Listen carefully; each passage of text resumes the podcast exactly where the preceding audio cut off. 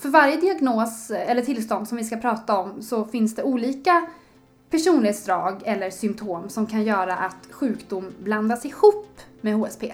Och det är precis det som vi försöker eh, göra klarhet i så att det inte ska bli de här missförstånden att folk tror att man är bipolär fast man Mm. bara är högkänslig. Eh, Och det tjänar ju alla på, tycker vi, att veta vad som är vad.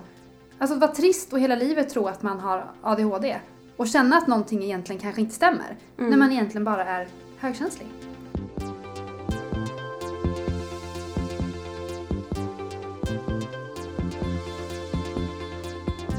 Du lyssnar på HSP-podden med Leverby och Klar. Hej och välkomna till HSP-podden med Leverby och Klar. Det är jag som är Ida Leverby och med mig har jag. Matilda Klar. Får jag bara börja med att säga att jag verkligen älskar alla lyssnarkontakter som vi får. Ja, jag håller med. Alltså, eh, alla ni som, som hör av er via mail eller sociala medier. Helt fantastiskt. För några avsnitt sen så pratade vi en hel del om klumpiga saker som folk säger till oss högkänsliga. Och det värsta tycker jag är när man blir jämförd med att ha en diagnos. Och ni som har lyssnat länge vet ju det här, men det tål att sägas igen. Högkänslighet är ju inte en sjukdom, utan ett normalt personlighetsdrag. Det är ärftligt och hittas hos 15-20% av befolkningen. Men i alla fall, så var det en lyssnare som efter det här avsnittet skickade oss en länk till en jättebra hemsida som beskriver olika sjukdomar eller diagnoser och tillstånd och jämför dem med högkänslighet och berättar om likheter och skillnader. Så så himla bra! Ja, det verkar finnas ett sug efter den här informationen också för att vår artikel om Viktor Åkerblom, skådespelaren som har en ADHD-diagnos men som också börjar fundera på om han är högkänslig. Den artikeln har blivit så läst på vår hemsida alltomhögkänslighet.se. Och nu intervjuade ju vi Viktor för ganska, det var ett tag sedan. Han är ju med i avsnitt eh, Ja, avsnitt nummer fem var han med i. Och han berättade då att han eh, som sagt har en ADHD-diagnos men sen han fick reda på att högkänslighet finns så började han fundera på är det verkligen ADHD som jag har eller är jag högkänslig? Vi tar och lyssnar lite. Du, hur eh, märkte du att du var högkänslig? Vad fick dig att tro det?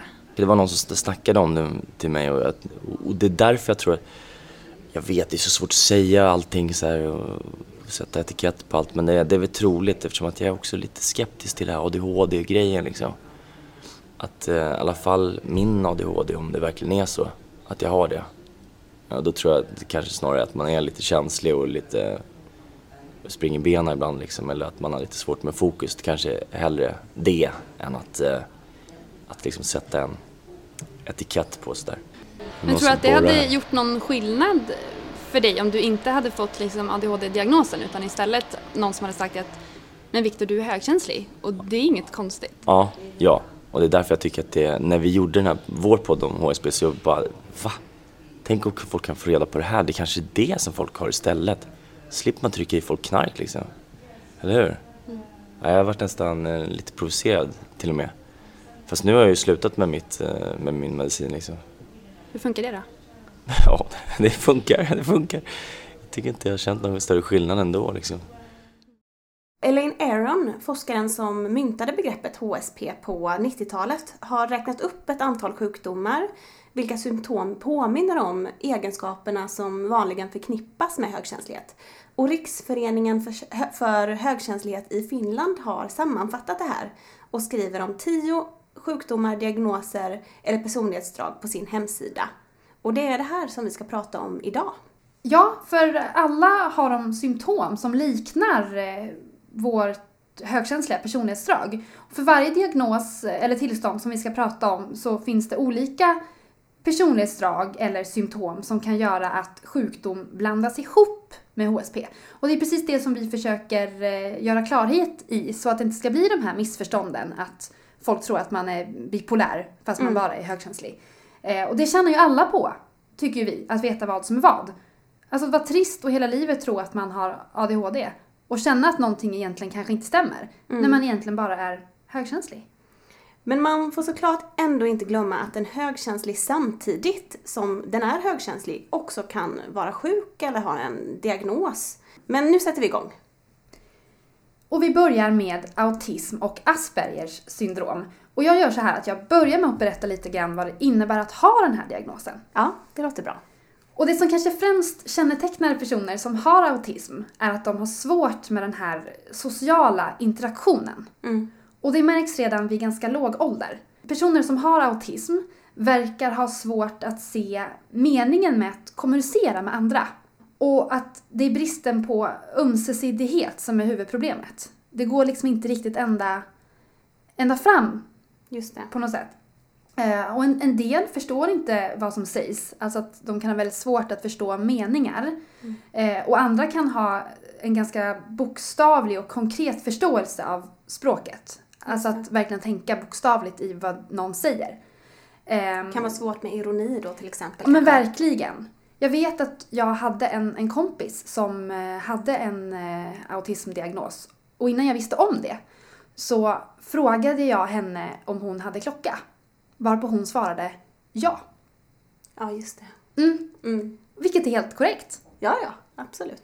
Ehm, Men enligt Autism och Aspergerförbundet så är huvudproblemet i den här diagnosen är att personer som har autism har mycket svårt att leva sig in i andra människors perspektiv. Just det. Och personer som har Aspergers syndrom har också problem med den här ömsesidiga kommunikationen och social interaktion. Men också föreställningsförmåga.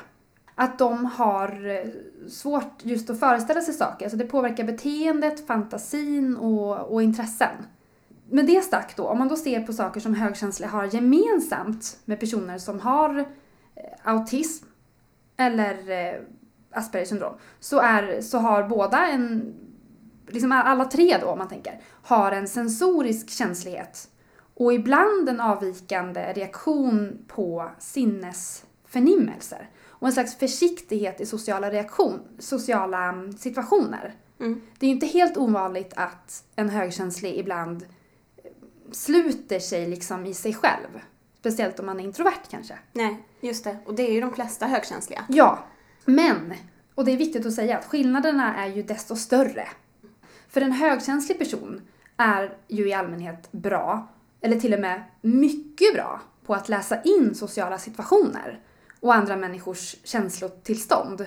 Beroende på hur social han eller hon är då.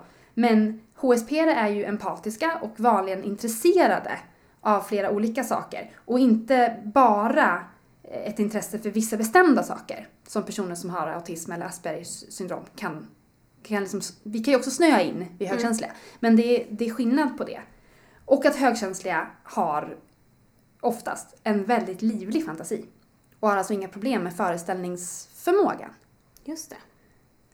Hur låter det? Intressant. Är det? Men jag tyckte det var väldigt... Eh, det står klart vad det är för likheter och skillnader, tycker jag. Ja men vad bra! Ja, det tycker jag. Ska vi ta punkt nummer två? Mm. Då har vi det som vi pratade om lite tidigare, ADHD och ADD. Och vi kör lite samma modell här som du gjorde nyss, tänker jag, och berätta lite vad ADHD är för någonting. Enligt Vårdguiden så är ADHD en funktionsnedsättning som påverkar ens förmåga att koncentrera sig och att styra och kontrollera sitt beteende. Det kan också påverka hur aktiv och intensiv du är som person om du är, har ADHD. För att ge några exempel då så blir personer som har ADHD lätt störda i röriga och stökiga miljöer. Det är svårt för dem att komma igång med vissa uppgifter om det inte känns motiverande. Eller det kan också vara svårt att bli klar med vissa uppgifter. Så både att sätta igång och bli klar med uppgifter kan vara svårt. ADHD beror på en medfödd känslighet i hjärnans nervsystem. Och det känner vi igen. Så där kanske vi ska gå in lite på likheterna mellan högkänslighet och ADHD. En grej som liknar högkänslighet är att eh, även en högkänslig person som befinner sig i en orolig miljö, är överstimulerad eller stressad, blir ofta rastlös och oförmögen att koncentrera sig. Man kan glömma saker, lyssnar inte på vad andra människor säger eller på deras råd och organiserar inte saker på ett förnuftigt sätt. Det blir för mycket liksom av den här stimuleringen. Och då kan det hända att den högkänsliga presterar under sin egen nivå i uppgifter som kräver tanke och kreativitet. Och det är då en likhet med ADHD. Men skillnaderna då Om en högkänslig person inte är överstimulerad, överansträngd eller stressad så har den inga problem med att koncentrera sig. Utan på en lugn och trygg plats så har högkänsliga vanligen lätt att koncentrera sig, är lugna, tar andra människor i beaktande och är i stånd att fullgöra sina uppgifter. Så att det är liksom den här koncentrationssvårigheten är inte alls lika utbredd för högkänsliga som det är för de som har ADHD eller ADD. Nej. Det finns ju också en aspekt som vi pratar med Viktor Åkerblom om och det är ju High Sensational Seeker, HSS, som man då kan vara också då om man är HSP. Och det betyder då att man är även, ja, men gillar äventyr och utmaningar och sådär och hoppar på grejer. Och att man är lite mer så spontan. Ja, precis. Men även de som är HSS undviker oftast st- stora risker ändå och är inte hyperaktiv på samma sätt och inte allt för impulsiv. Även om man är impulsiv så är det liksom till en viss gräns. För hyperaktiviteten finns inte. Nej, precis. Hos högkänsliga på samma sätt. Det där tycker jag är jättebra. Mm. För det var ju någonting som vi pratade om i, i det avsnittet som, Ja. som vi gjorde. Eh, just att det finns de som jämför hyperaktivitet med högkänslighet, bland annat. Ja, precis. Men då har vi slagit hål på den bubblan. Precis, den myten kan vi bara bortse från här nu. Om vi ska gå vidare till eh, depression och dystemi. Ja. Så är det så här att eh, högkänsliga har ju, tenderar ju att eh, lättare drabbas av depressioner. Mm. Och så är det ju. Mm. Men det är ju ändå två, det är ju ändå i olika tillstånd. Och då ska jag prata nu om depression och dystemi. Depression vet kanske de flesta vad det är. Men Ja. dystemi kan vara ett okänt begrepp. Det vill jag veta mer om känner jag. Mm. Med det menas en låggradig och långvarig depression. Alltså ett tillstånd som varar i minst två år. Enligt eh, Riksförbundet Balans. Okej. Och gemensamt för högkänsliga och personer med depression eller dystemi, och det här tror jag att man kan känna igen sig i, det är grubbleri och svårighet att lämna saker bakom sig. Att man lätt blir gråtmild och att man har en känslighet. Mm. Och en eh, högkänslig persons sinnes, sinnestillstånd kan ju variera. Motgångar och sorgliga händelser påverkar som bekant högkänsliga i genomsnitt starkare och under en längre tid. Och om en högkänslig inte förstår sig själv så kan hen mer än andra känna sig ja, men mindervärdig och uppleva att det är något fel på henne eller honom. Mm. Men skillnaderna då mellan det här, även om man ju kan drabbas av depression lätt som högkänslig, så är att depression är ofta förknippad med andra symptom än, Ja. än bara nedstämdhet, ängslighet och gråtmildhet. Alltså en deprimerad person känner sig ofta kraftlös, saknar livslust, vaknar ångestfylld på, på natten, har orealistiskt dystra tankar, känner olust på jättemånga områden. Medan en högkänslig sinnestillstånd kan variera efter situationer. Och han eller hon klarar av ett normalt liv. Men den som ständigt är deprimerad har ofta ganska svårt med vardagen. Så bara för att man har svackor så behöver inte det betyda att man är deprimerad. Utan Nej. det är ju helt normalt i en känslo... i en högkänslighets eh, vardag. Då fick jag lära mig något helt nytt här också, det känns väldigt bra. Eh, då ska vi se om jag kan lära dig någonting nu då, Ida. Det vi tror får, jag. Vi får se. Bipolär sjukdom ska vi prata lite om här nu.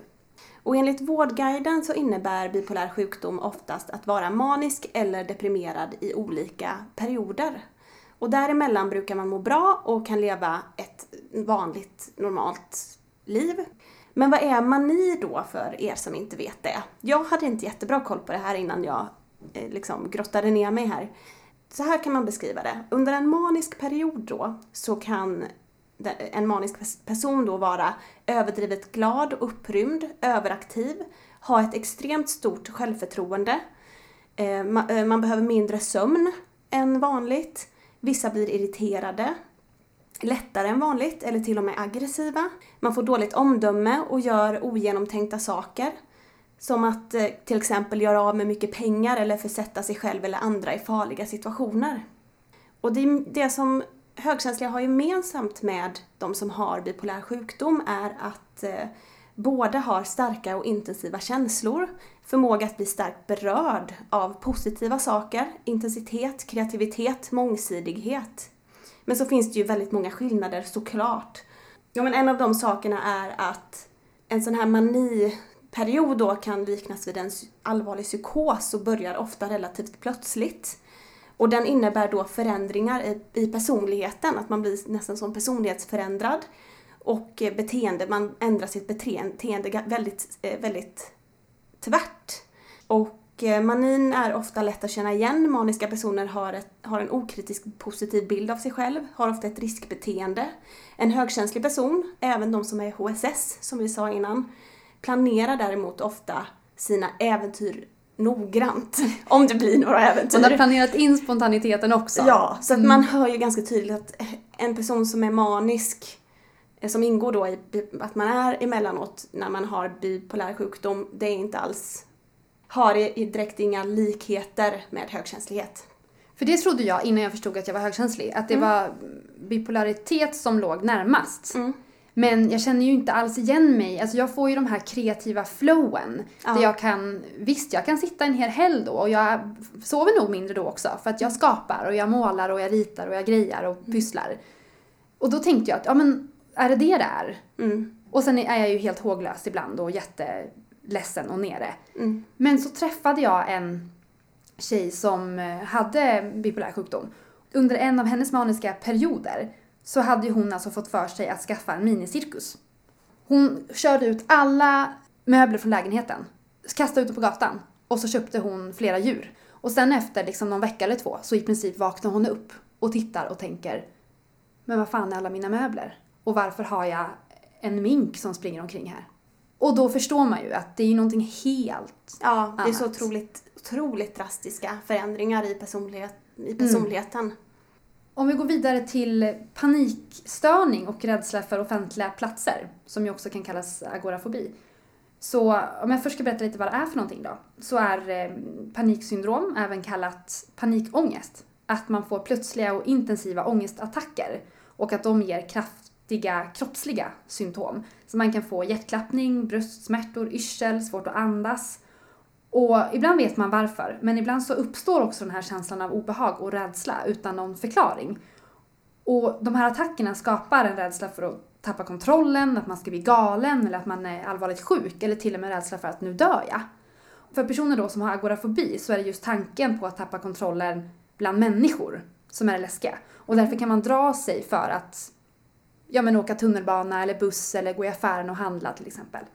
Och Gemensamt med eh, högkänslighet är faktiskt kraftiga reaktioner i nervsystemet. Mm. Speciellt om den högkänsliga är överstimulerad eller överansträngd eller stressad.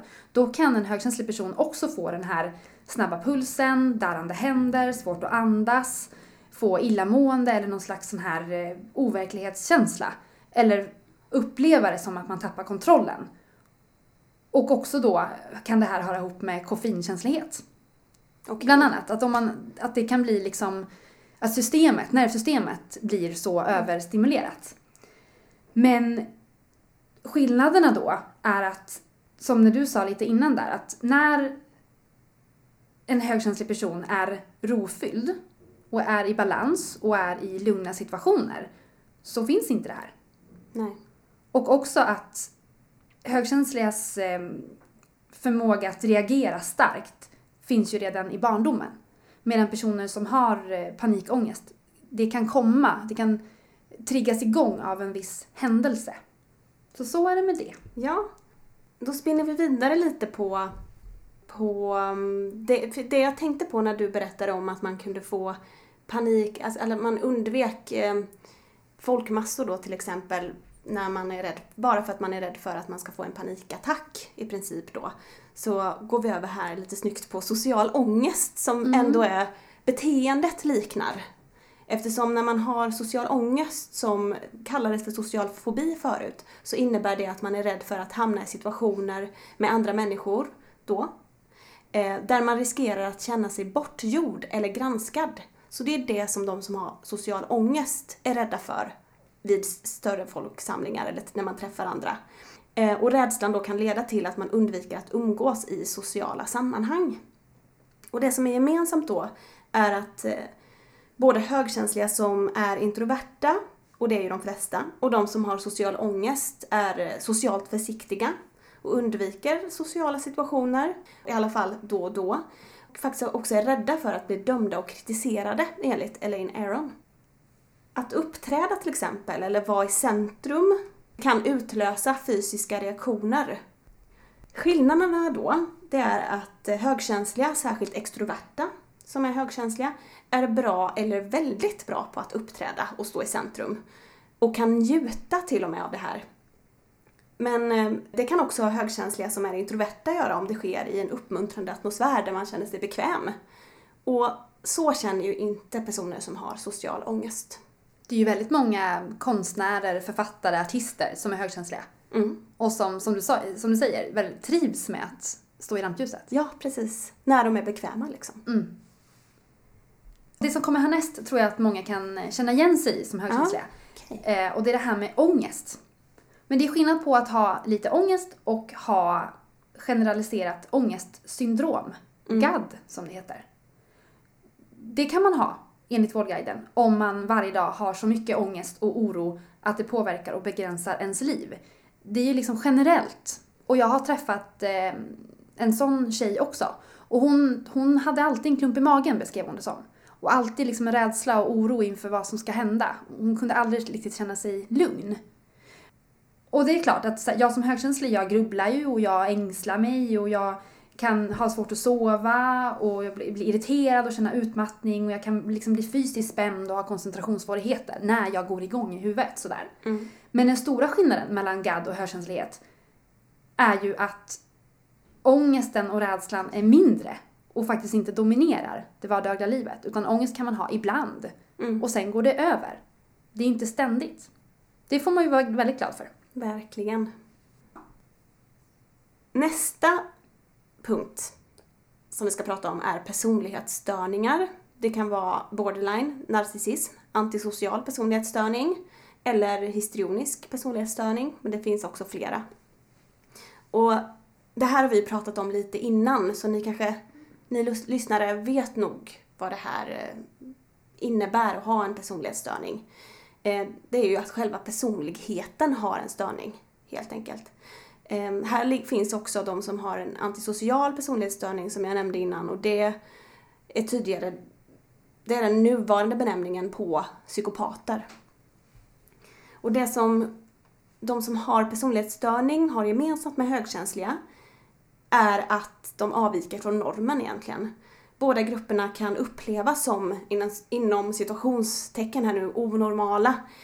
En annan likhet är att personlighetsstörningarna och HSP-draget är permanent och eh, framträder ofta redan i ungdomen och medför ofta vissa problem. Men skillnaderna då? Jo, personlighetsstörning tyder på svåra, eller är svåra snedvridningar av personligheten. Och de beror till stor del på störningar som har skett under barndomen, vissa trauman eller liknande. Och de flesta personer som är högkänsliga har istället haft en normal eller god och balanserad barndom. Det är helt enkelt inte barndomen som avgör om någon är högkänslig eller inte. det är ärftligt. Precis. Där tycker jag att det är nästan svårt att förstå hur man kan koppla ihop dem.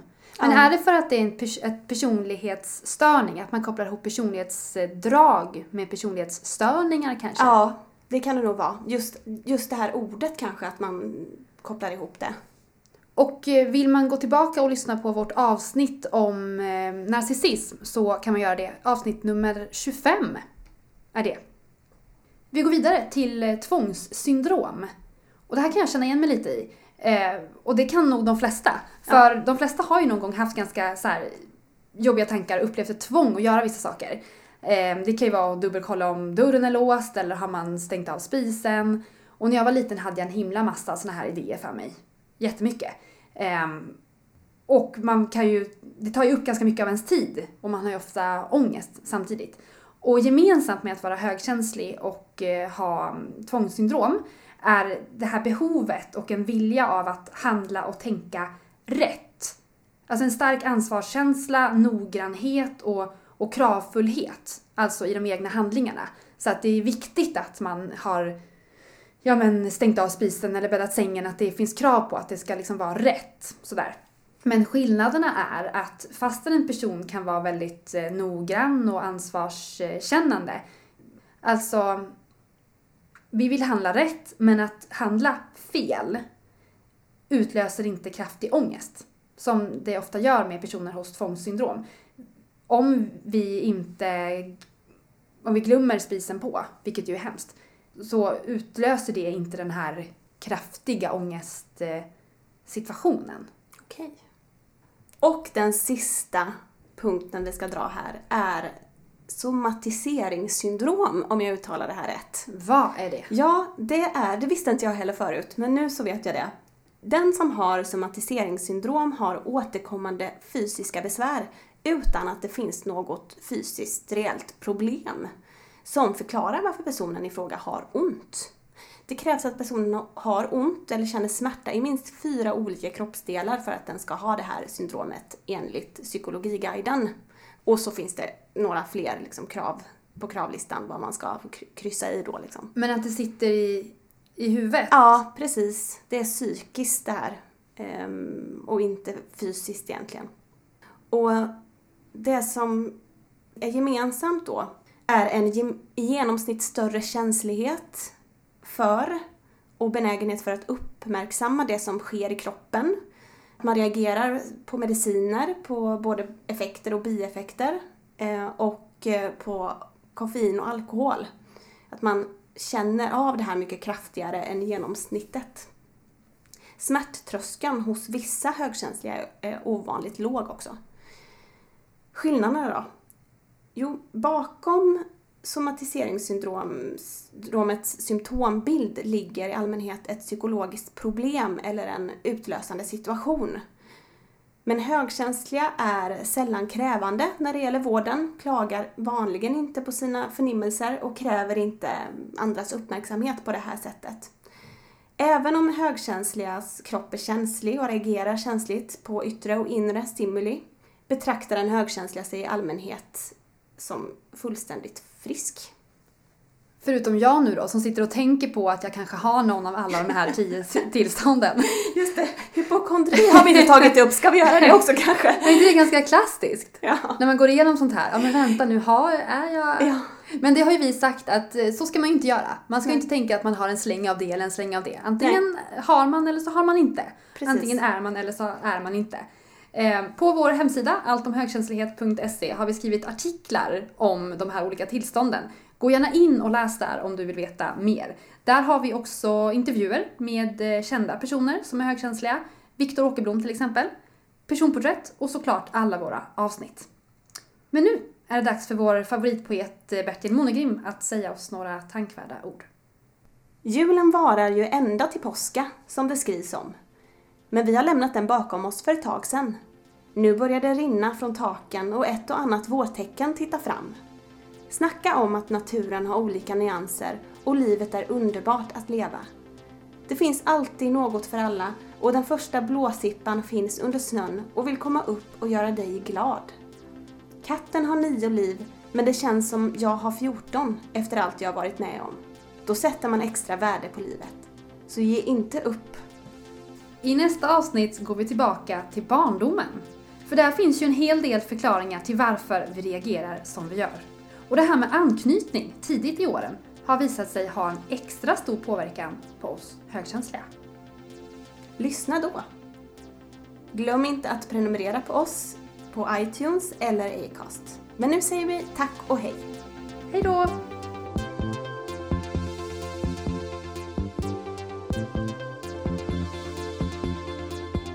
Du har lyssnat på HSP-podden med Leveby och Klar.